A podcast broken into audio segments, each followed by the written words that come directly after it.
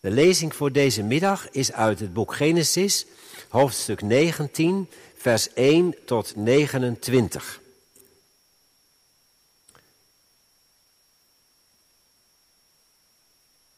Genesis 19, vers 1 tot 29. Het zijn natuurlijk vrij bekende geschiedenissen. Um, vroeger al op de basisschool gehoord waarschijnlijk de verhalen over Abraham, Isaac, Jacob en Abraham die dan met Lot uittrekt. En Lot die op een gegeven moment kiest om in Sodom te gaan wonen. Omdat die vlakte van de Jordaan er zo vruchtbaar uitzag, dacht hij. Maar de mannen van Sodom waren goddeloos, staat er dan ook meteen al bij. En dat gaat dus niet goed aflopen. Hoofdstuk hiervoor heeft Abraham nog indrukwekkend gepleit voor Sodom. Als er nog tien rechtvaardigen zijn, alstublieft mag de stad dan gespaard worden. Maar dan komen die engelen van God dus kijken in Sodom. En die tien rechtvaardigen die zijn er niet. En uh, dan wordt de stad verwoest. Goed, dan komt het verhaal over uh, Lot in Sodom en hoe hij daaruit geleid wordt. Gaan we lezen, Genesis 19. De twee engelen kwamen s'avonds in Sodom aan, terwijl Lot in de poort van Sodom zat.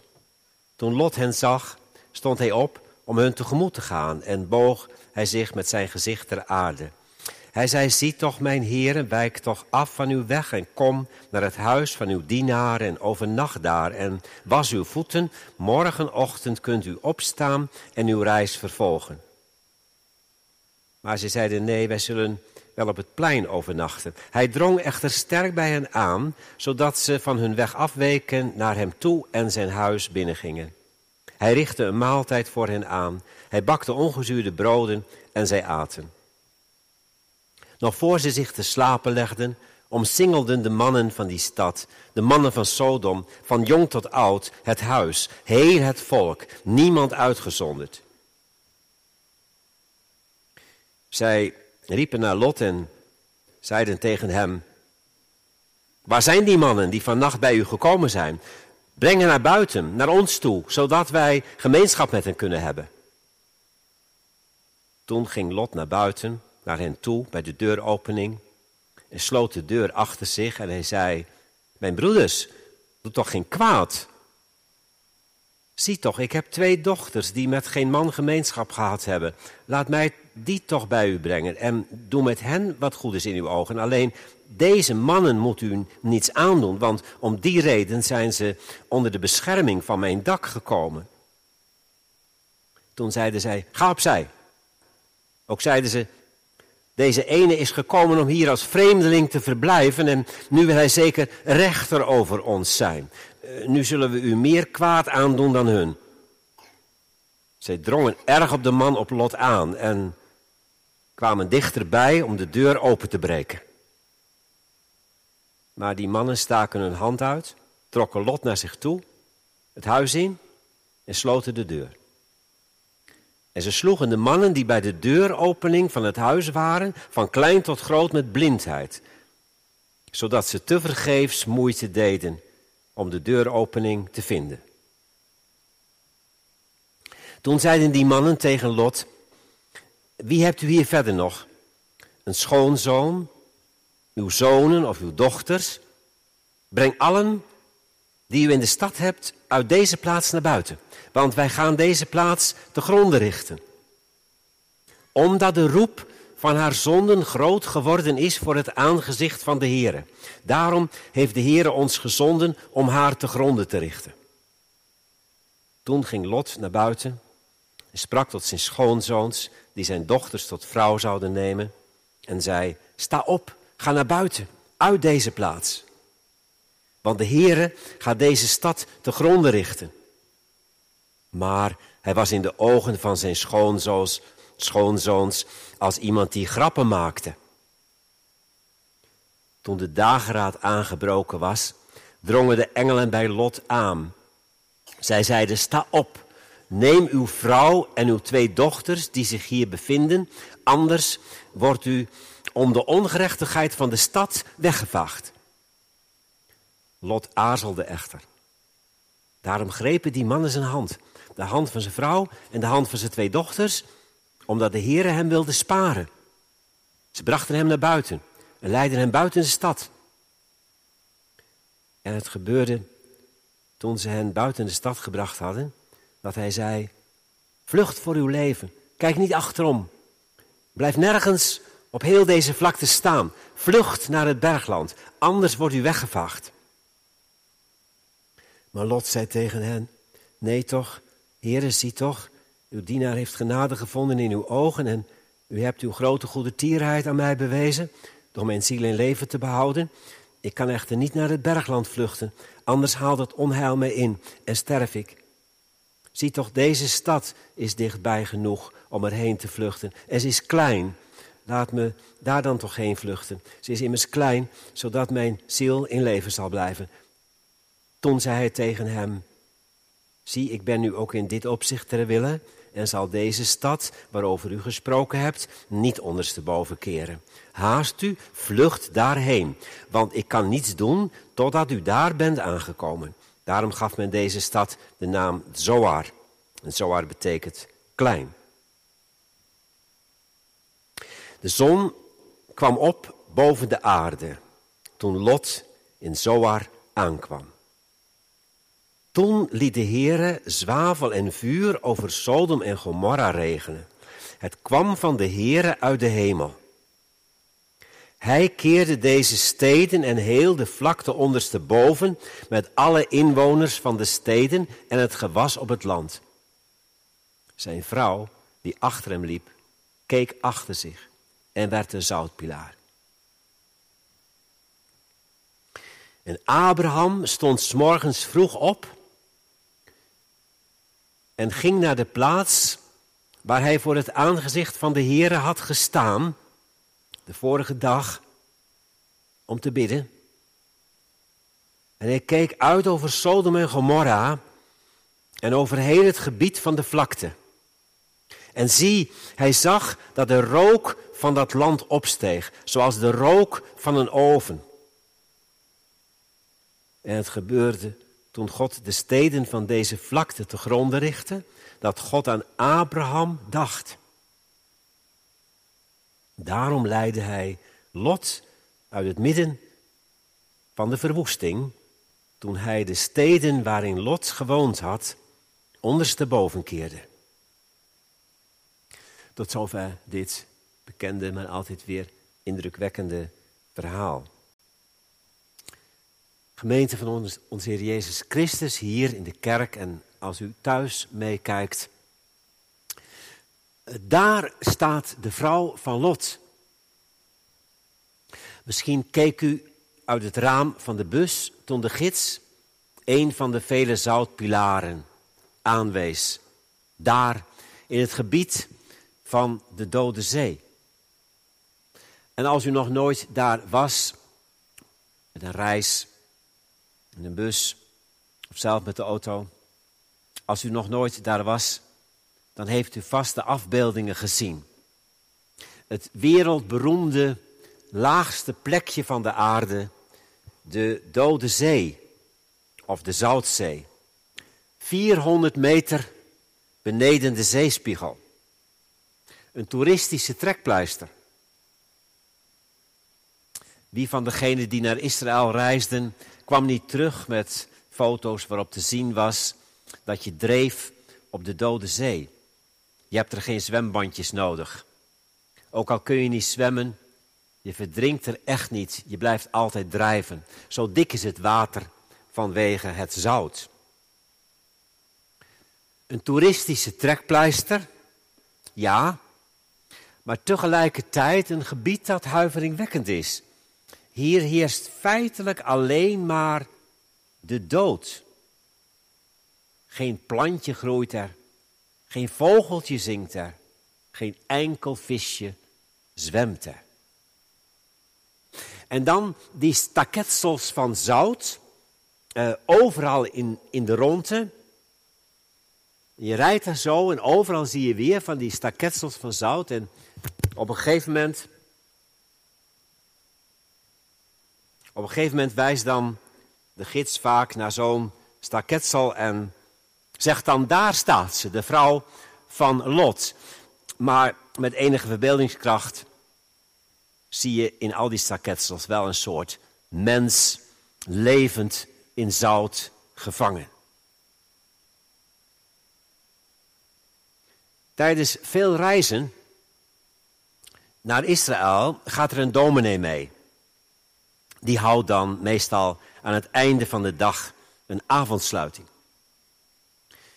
En ik dacht toen ik hier mee bezig was, zouden er veel zijn die de avond na het bezoek aan de Dode Zee Genesis 19 lezen. Zou voor de hand liggen, maar ik weet het niet. Ik weet wel dat je dan als toerist toch wel flink moet schakelen. Want het is allemaal heel gezellig en mooi. En er wordt veel gelachen bij die dode zee, met dat drijven, daar op dat water en zo. Maar als je dan dit verhaal gaat lezen, dan kom je toch wel in een hele andere beleving terecht. En misschien vanmiddag hier in de kerk uh, was dat ook al wel een beetje zo. Dat u dacht, nou ja, dat is wel even schakelen. Je komt de kerk binnen en hoopt op een fijne en bemoedigende dienst en dan krijg je dit. Wel bekend natuurlijk, bekend. Niet zo'n heel moeilijk stuk uh, van Paulus of zo, dus dat valt dan wel mee. Uh, maar toch wel heel heftig. Je kent het verhaal, maar als je het dan, zoals vanmiddag weer helemaal hoort voorlezen, dan kunnen er toch heel wat vragen bij je bovenkomen. Zwavel en vuur, waardoor Sodom en drie andere steden totaal vernietigd worden. Alleen de vijfde, Zoar, wordt op het nippertje gespaard. Een verschrikkelijke natuurramp, zouden we vandaag zeggen. Het zou de hele dag op het journaal zijn en er zou nog weken en maanden over nagesproken worden. Alle inwoners omgekomen op drie na. De vierde, een vrouw, keek ook uh, nog eventjes om en dacht, maar toen was het ook te laat voor haar. Uh, leek aan het vuur te ontsnappen, maar uiteindelijk ook dodelijk getroffen.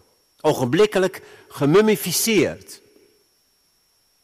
Een verschrikkelijke, zeer zeldzame natuurramp, waar onderzoekteams zich nog jaren over zouden buigen. Ja, maar zo spreekt het Bijbelverhaal er dus niet over. Het Bijbelverhaal zegt dat God de steden van deze vlakte te gronden richtte. Dat God ze ondersteboven keerde. Dat is nogal wat. Doet God zoiets vreselijks? Over welke God gaat het hier? Sommige mensen, misschien ook onder ons, zijn opgegroeid met een heel angstwekkende voorstelling van God. De God van hel en verdoemenis, zo formuleren ze dat later dan meestal. En dan zeggen ze er meestal ook meteen bij dat ze daar niets meer van moeten hebben. En dat kunt u natuurlijk wel begrijpen, dominee. Zeggen ze er dan bij.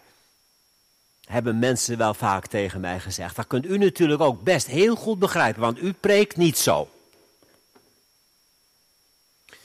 En verwachtingsvol kijken ze me dan aan. En dan zien ze soms toch in mijn ogen een beetje een aarzelende blik. Of bent u het dan niet met me eens? Zo'n God van hel en verdoemenis, dat is toch verschrikkelijk? Als er een God is, dan is hij een God van liefde. En anders heeft het, heeft het toch allemaal geen zin waar we mee bezig zijn. Dan hoeft, dan hoeft van mij in ieder geval niet dan. Meer het hele geloof niet. Als God niet alleen maar liefde is, dan schieten we ook met het hele geloof niks op. Uh, dan hoeft het van mij hoeft het van mij helemaal niet, zeggen mensen dan tegenwoordig vaak. Ja, en ik denk, daar komt ook wel mijn aarzeling een beetje dan uit voort. Hè? Dat ik denk, ja, wacht even. Maar wat, wat, wat er van jou hoeft, of wat er van mij hoeft, dat is natuurlijk niet aan de orde. Daar wordt niet naar gevraagd. Wat er van mij of van u wel of niet hoeft. Kijk, laat één ding duidelijk zijn. Een opvoeding die ons bang maakt voor God, schiet zijn doel volkomen voorbij. En als mensen er een trauma aan overgehouden hebben, is dat helemaal erg. Maar als ik mezelf bedrieg, is dat ook erg. Als ik zelf een voorstelling maak van God die helemaal niet klopt met de Bijbel, maar die mij het beste uitkomt, dan heb ik ook een probleem. Om het toe te spitsen op het Bijbelgedeelte van vanmiddag. Als ik helemaal niets kan aanvangen met een God die Sodom te gronden richt met zwavel en vuur, dan heb ik een probleem. Dan moet ik namelijk zeggen dat, ja, wat moet ik dan zeggen? Dan moet ik zeggen dat mensen heel lang geleden zoiets dachten. Maar dat wij nu weten dat het natuurlijk niet zo is. Dat het ook gewoon een natuurramp was. Maar hoezo gewoon een natuurramp? Alsof dat het zoveel makkelijker maakt. Gewoon een natuurramp. Ja, en zo gebeurt er zoveel. En daar heeft God natuurlijk niks mee te maken allemaal. Nou ja, ho, daar heeft God natuurlijk niks mee te maken allemaal. Nog even, en God heeft nergens meer mee te maken dan toch? Waar heeft hij dan wel mee te maken? Is, is er dan wel een God?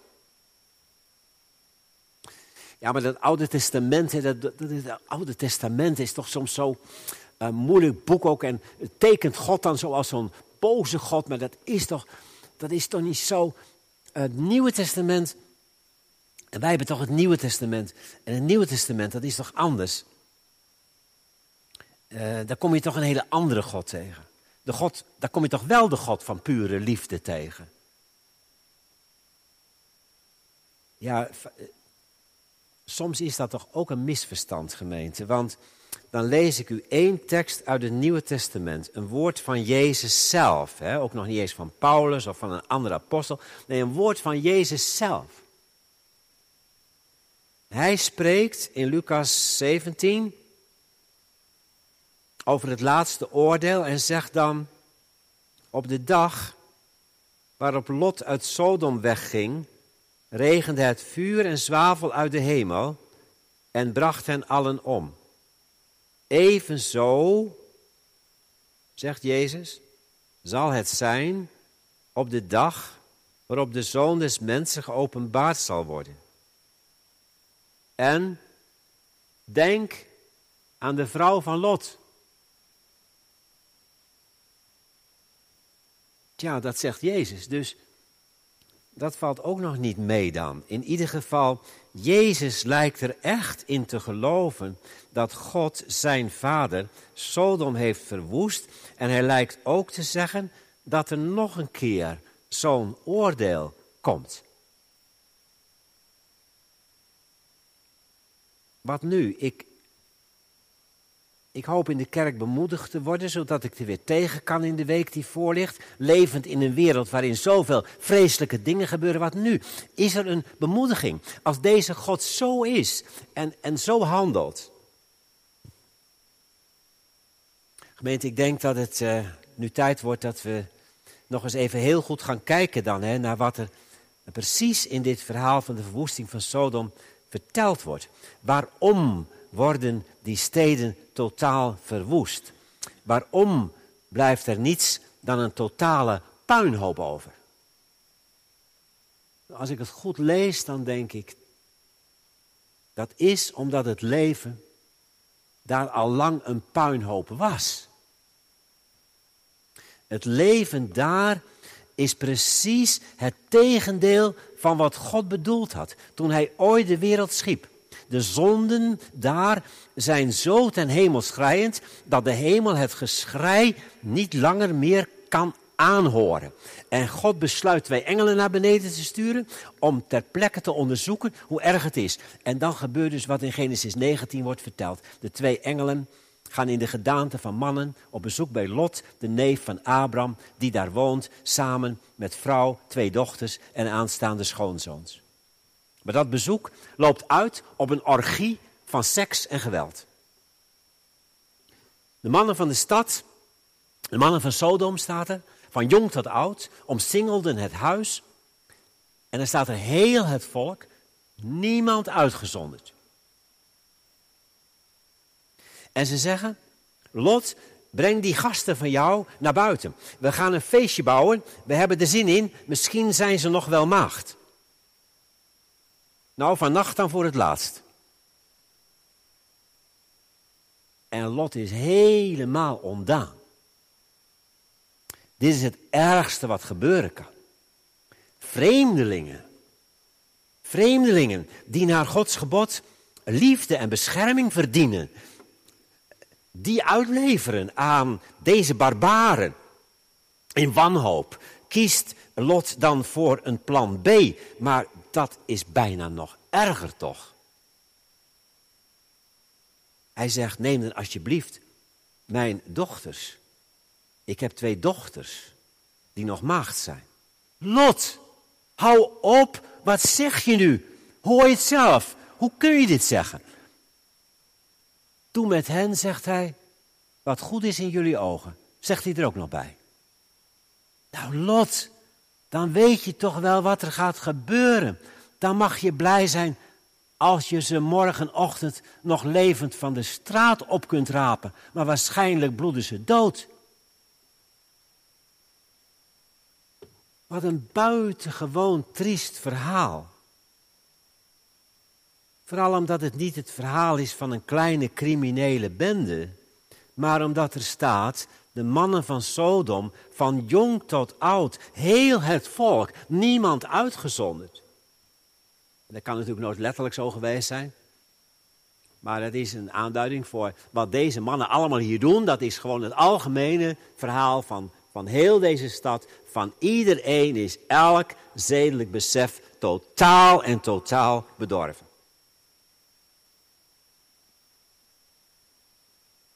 Ja, in het aangrijpende verhaal dat hiervoor verteld is, Genesis 18, heeft uh, Abraham dus God indringend gesmeekt. Alsjeblieft, als er nog tien rechtvaardigen zijn in de stad, tien mensen die weten wat het goede leven is van recht en liefde, die daarvoor opkomen, wilt u dan de stad sparen? Maar die tien zijn er dus niet. Daarom staat er heel het volk, heel de stad. Die tien, die zijn er niet. Heel het volk, niemand uitgezonderd, treedt met voeten al wat menselijk is. En Lot, ja Lot, die weet beter. Lot is wel een rechtvaardige. Hij probeert ook anders te leven.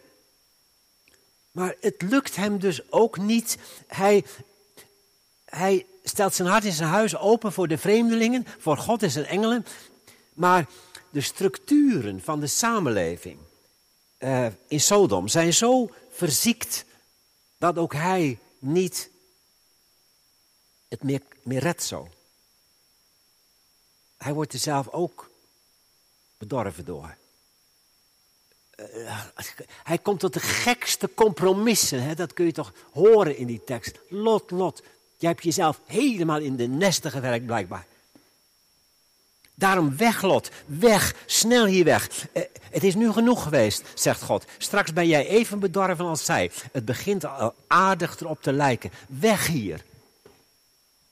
Deze stad met dit goddeloze geweld kan niet langer in mijn ogen bestaan. Snel weg hier. Vuur en zwavel zullen de stad vernietigen. Heel de stad, al het volk, van jong tot oud. Niemand uitgezonderd. En daar gaat Lot. Aanvankelijk nog niet met haast. Er zit heel veel getreuzel in de tekst. Als je het goed leest. Wil eigenlijk liever niet. En als hij even op weg is, dan wil hij weer niet daarheen. Maar dan moet hij nog weer daarheen en zo. Heel veel getreuzel. Maar hij gaat. De engelen zeggen opschieten, opschieten. Haast je om je levenswil. En de vrouw van Lot gaat mee. Zijn dochters ook. Dus een vrouw kijkt nog één keer om. Hoe vast kan een mens zitten, zelfs aan een goddeloze bende? Hoe vast kan een mens zitten, zelfs aan een goddeloze bende? Want, want, want. Ja, kijk, daar staat de vrouw van Lot, zegt de gids. Denk aan de vrouw van Lot, zegt die andere gids. Jezus. Als ik het nu even naar mezelf toe haal. Als jij het even naar jezelf toe haalt. Heb ik het, heb jij het ook niet te veel soms al op een akkoordje gegooid met de machten van het kwaad? Want op het laatst wendt alles, hè, dat is denk ik het punt. Het is ook zo menselijk herkenbaar. Op het laatst wendt alles. Ja, maar diep, diep in mijn hart doe ik er niet mee, weet je. Dat heeft natuurlijk Lot ook steeds gedacht. Ergens meende hij dat ook. Diep in mijn hart doe ik er niet mee. Diep in mijn hart. Ja, maar waar ligt de grens? Heb jij nog wel een grens?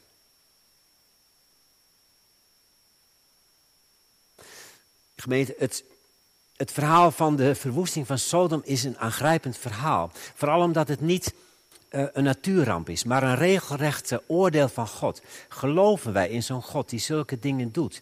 Ja, in deze God geloven wij. Hij heeft deze wereld goed geschapen en mensen naar zijn beeld, dat wil zeggen recht en liefde, zullen ze najagen en nederig zullen ze wandelen met God. Het staat in één zo'n mooie zin bij Micha, Micha, Micha 6 vers 8. Wat heeft God van u gevraagd, mens? Anders dan recht doen, gerechtigheid liefhebben, ootmoedig wandelen met je God. En hij is eindeloos geduldig. En hij gaat heel ver. Als er nog tien rechtvaardigen zijn, zal ik de stad niet verdelgen. Om de wille van die tien. Dat is eigenlijk ook heel bijzonder, vind ik. Wat is nu tien op die, hoeveel duizend zullen er gewoond hebben? Om die tien. Ik kom er straks nog op terug. God is wel heel geduldig ook. Maar er komt een keer een eind aan zijn geduld. Er zijn oordelen in de geschiedenis. Ja, er zijn ook oordelen in de geschiedenis. Zo'n derde rijk van Hitler. Al dat gebral. Als je denkt, wat een vreselijke dingen gebeuren er toch. Wat een trots en een waanzin. En dan waren we een tijdje terug in Dresden en dan, ja, in Dresden zijn die vreselijke bombardementen geweest van de geallieerden. Hè? En dat blijft nog een vraag natuurlijk, ook steeds als je daarover nadenkt van. Zoveel geweld. Het is vreselijk als je het leest wat er gebeurd is. Misschien is Sodom en Gomorra er nog niks bij vergeleken. Die brandbommen die gegooid zijn en die mensen die levend verbrand zijn in Dresden ook. Vreselijk. Um, er was ook een grote vraag voor de geallieerden of dat allemaal moest en zo. Maar van de kant van God gezien, daar komen oordelen over zoveel kwaad. Dat kun je niet schuldeloos doen. Zoveel kwaad kun je niet schuldeloos aanrichten. En daarom durfde Miskotte het toch aan. Het was gewaagd, maar hij durfde het toch aan om na de bevrijding in 1945 in de Nieuwe Kerk in Amsterdam te preken over Psalm 92. Want zie uw vijanden, o Heer, uw vijanden zullen vergaan. Allen die onrecht bedrijven zullen weggevaagd worden. Er zijn oordelen in de geschiedenis. Het kalifaat van ISIS is vernietigd. En het is erg als er burgerslachtoffers vallen. Die zijn ook gevallen, ook door Nederlanders in Irak. Het is erg als er burgerslachtoffers vallen. Maar zulke regimes, die zo onmenselijk zijn, die mogen niet blijven bestaan. Daar zijn oordelen in de geschiedenis. En er is een laatste oordeel waarvan de openbaring aan Johannes spreekt. De val van Babylon wordt daar beschreven in openbaring 18. En dan staat er aan het eind van die val van Babylon, als een soort samenballing hè, van alle kwaad, macht van de wereld, glorie en economische uitbuiting, alles wat daar plaatsvindt, kun je daar lezen in openbaring 18. En dan staat er aan het eind dat die stad dus vernietigd is. En dan gaat er rook op. Daar rook gaat op tot in alle eeuwigheid. Dat, dat is een referentie natuurlijk ook naar, naar dit verhaal van Sodom. Toen Abraham daar kwam, zag hij de rook opgaan boven die vlakte. Ja, ehm, de val van Babylon. Het grote oordeel over deze wereld in al de goddeloosheid. Voordat die nieuwe wereld van God komt, dat nieuwe Jeruzalem, is nogal heftig. Niet leuk. Nee, maar deze wereld, deze wereld is ook niet leuk, hè? Ja, er zijn heel veel mooie dingen. Het is ook een kunst om te kunnen genieten van elk bloempje wat nu in de herfst zo nog weer gaat bloeien. Hè? Terwijl er tegelijkertijd die vreselijke beelden zijn van de oorlog in Oekraïne. Wij mogen ook genieten van elk klein bloempje en zo. Blijft dat ook doen, gemeente. Maar tegelijkertijd dan denk je, oh, ik mag ook niet zo in mijn eigen kleine wereldje alleen maar een beetje leven. Hè? Denken, bloempje bloeit nog in mijn tuin, maar kan mij de rest schelen? Nee, natuurlijk niet. Natuurlijk niet. Deze wereld is geen leuke wereld. En als er geen God was die het noodgeschrei hoort, die het onrecht niet verdragen kan, die uit liefde alle dingen nieuw wil maken, dan was het pas echt hopeloos. Goed, en wat, nou ja, goed, heftig. Maar wat moet ik nu doen, concreet? Wat moet ik nu doen, concreet? Wat moet de gemeente van de Heer Jezus nu doen, concreet? Ik denk twee dingen, gemeente. In de eerste plaats, waar ik al even op hintte, hè, die radicale keuze. Dat kwam toch wel weer sterk bij me boven, ook bij dit hele verhaal. Dat getreuzel van Lot. En die vrouw van Lot die er nog helemaal niet los van kan komen.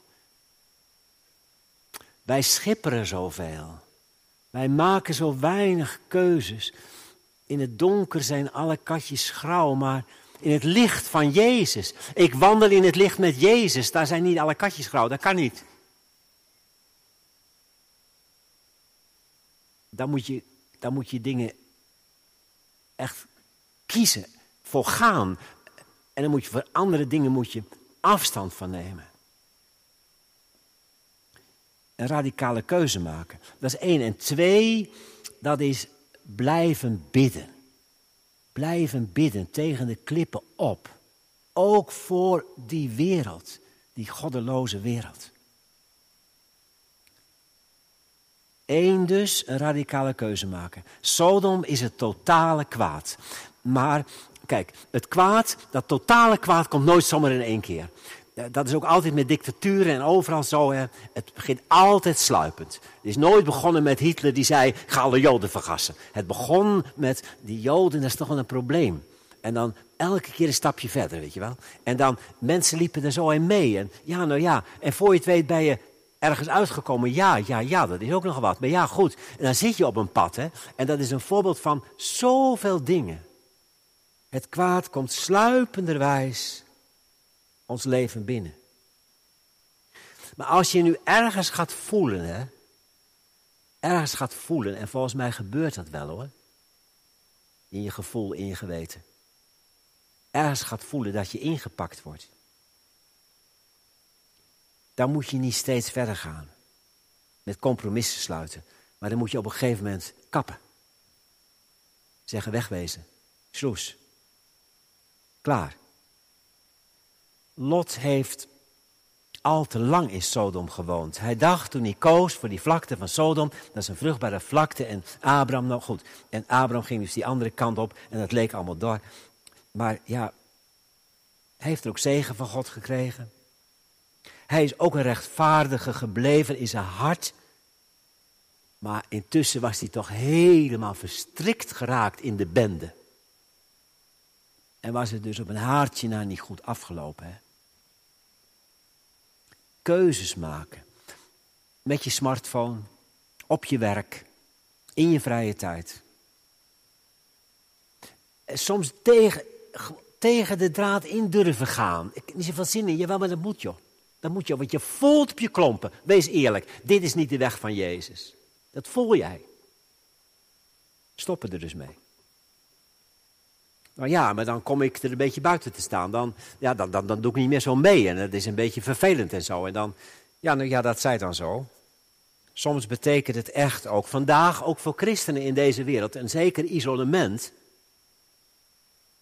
Dat zijn niet alleen de echte refo's, zeg maar, hè, die daarvan dat isolement kiezen op allerlei manieren. Dat heeft niks met refo te maken. Een isolement, omdat je voelt, dit is een foute weg. Dit eh, klopt niet met Jezus en met zijn bedoelingen. Helemaal niet. Met God.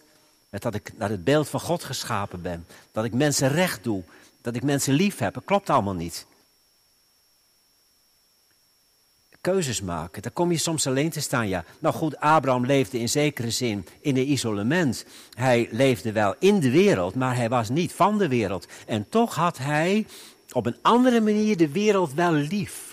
En dat is het tweede, wat me ook echt raakte weer opnieuw.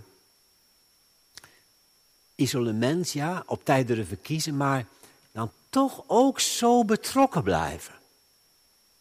Want dat gebed hè, van Abraham, dat is niet alleen een gebed van, wilt u alstublieft lot sparen? Het is een gebed voor heel Sodom. Het is een gebed van, Oh God, met zo'n stad, ik weet het, misschien is die nog veel goddelozer dan ik dacht ook. En, en u bent rechtvaardig en u hebt gelijk natuurlijk, maar het is zo verschrikkelijk. Want niet alleen die mensen, maar ook die dieren en alles. Het is dan niet. Alsjeblieft, wil u de stad sparen, al zijn er nog maar tien rechtvaardigen. Zo bij God durven aankloppen ook. Zo bewogen met de mensen om je heen. Dat vind ik ook indrukwekkend. Dus los van de wereld, niks met die wereld te maken. Ja, maar tegelijk die wereld zo lief hebben. Hij, hij wilde niets met een goddeloze Sodom te maken. En toch bad hij hartstochtelijk voor de stad. Als er nog tien rechtvaardigen zijn. Uiteindelijk waren het er maar drie of vier. En zelfs toen, dat is, het, dat is ook zo mooi, dat laatste vers van het hoofdstuk. Want dan Blijkbaar heeft zelfs toen dus God nog zijn gebed gehoord. Want staat er dan, toen God de steden waarin Lot gewoond had omkeerde, leidde hij Lot uit het midden van de verwoesting. En waarom deed God dat? Omdat hij dacht aan Abraham. Aan dat vurige gebed. Van deze rechtvaardige, die die niet in de kou wilde laten staan omdat hij dacht aan het hartstochtelijke bidden van Abraham. Ja. Uh, ach, dat durf je bijna niet te denken van je eigen gebed, hè? Als jij bidt, u bidt, voor de wereld, misschien mensen ook, waar je het moeilijk mee hebt, mensen die u geneigd bent te haten, ook omdat ze ook zulke verkeerde dingen doen. Maar je wordt toch in je hart ook overwonnen dat je ervoor kunt bidden. Dat je dan echt ook gelooft dat God dat horen wil. Ja, de gemeente, de biddende gemeente. Deze wereld waar zo ontzaglijk veel mis is. Maar dat God nog zo geduldig is ook omdat er een gemeente is in Oekraïne, in Rusland, in Nederland, in Indonesië. Overal. Die bidt. Toch aparte. Maar dit verhaal spoort mij wel aan om daar meer op te vertrouwen. Dat God dat, dat, God dat zeker hoort omdat hij dacht aan Abraham. Ja, omdat hij dacht aan het hartstochtelijk gebed van Abraham. Niet van de wereld zijn, maar wel altijd bidden voor de wereld. Bidden voor hen die ten dode wankelen. Dat ze niet verloren zullen gaan. Bidden dat mensen tot inkeer komen. Bidden dat God geduldig zal zijn. Bidden samen met Jezus. Samen met allen die zijn lichaam vormen in deze wereld. Bidden met het hele volk van God. Kyrie eleison. Heer ontferm u. Bidden uw rijk komen door de oordelen heen uw rijk komen. Amen.